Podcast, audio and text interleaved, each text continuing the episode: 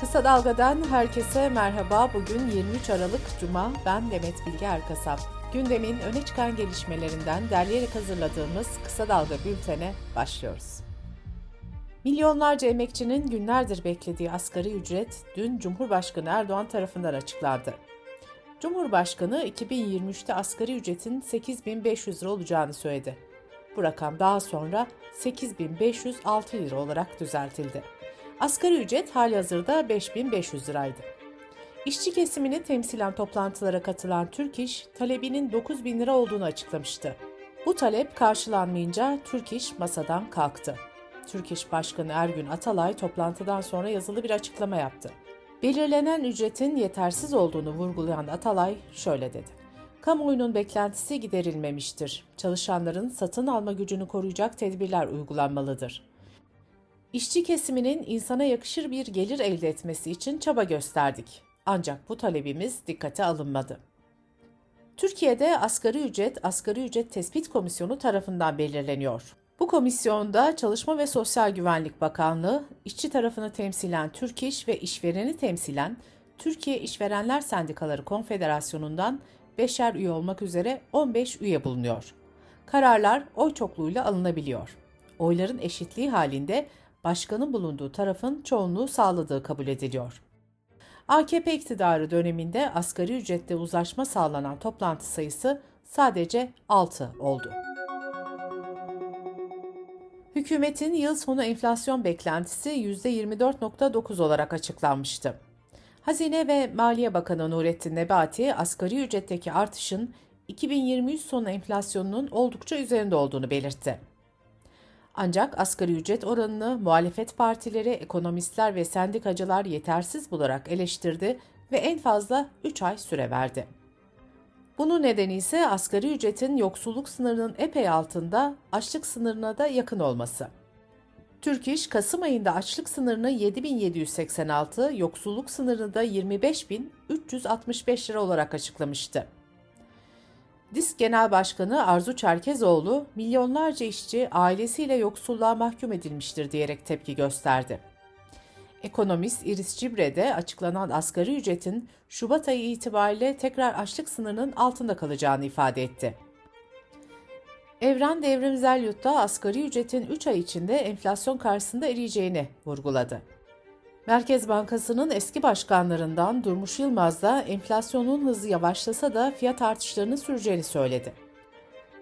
Kısa Dalga yazarı İbrahim Ekinci de asgari ücret birkaç ay içinde yeniden açlık sınırı seviyesinin altına inecek değerlendirmesini yaptı.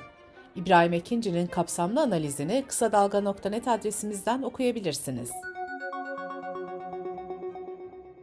Gündemin bir başka önemli başlığı da İstanbul Büyükşehir Belediye Başkanı Ekrem İmamoğlu'na verilen hapis cezası ve sonrasında yaşanan gelişmeler. Ekrem İmamoğlu'na YSK üyelerine hakaret suçundan 2 yıl 7 ay hapis ve siyasi yasak kararı verilmişti. Bu karar tartışılırken terör soruşturması da gündeme geldi. İçişleri Bakanlığı Mülkiye Baş Müfettişliği, İstanbul Büyükşehir Belediyesi'nde işe alınan personelin terör bağlantıları iddiasıyla inceleme başlatmıştı. İstanbul Cumhuriyet Başsavcılığı da dün bir açıklama yaparak müfettiş raporunun kendilerine teslim edildiğini duyurdu. Ekrem İmamoğlu ise bu gelişmenin ardından yaptığı açıklamada ok yaydan çıkmıştır, bu memlekette değişim olacaktır dedi.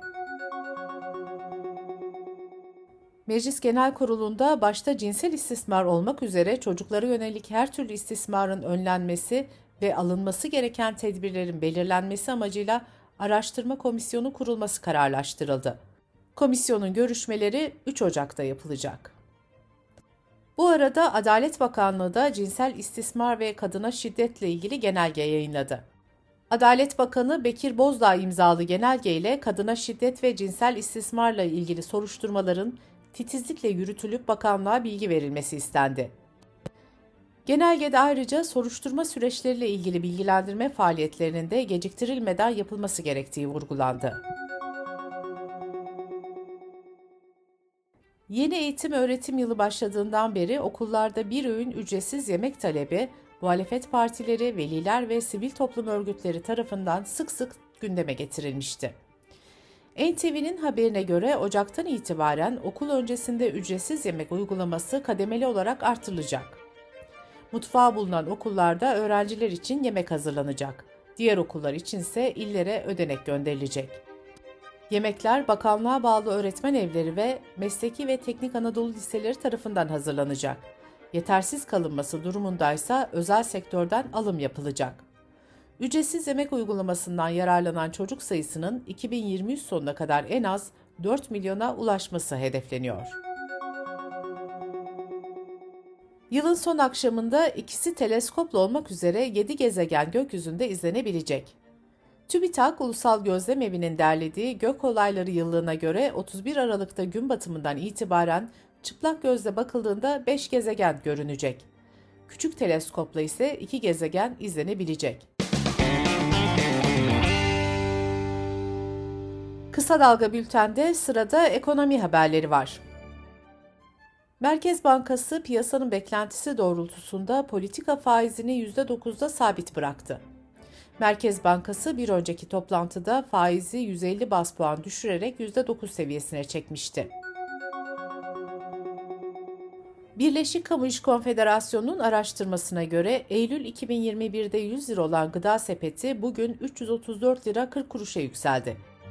Araştırmaya göre ekmek, pirinç, un, bulgur fiyatları Aralık ayında bir önceki aya göre %6.4 oranında arttı.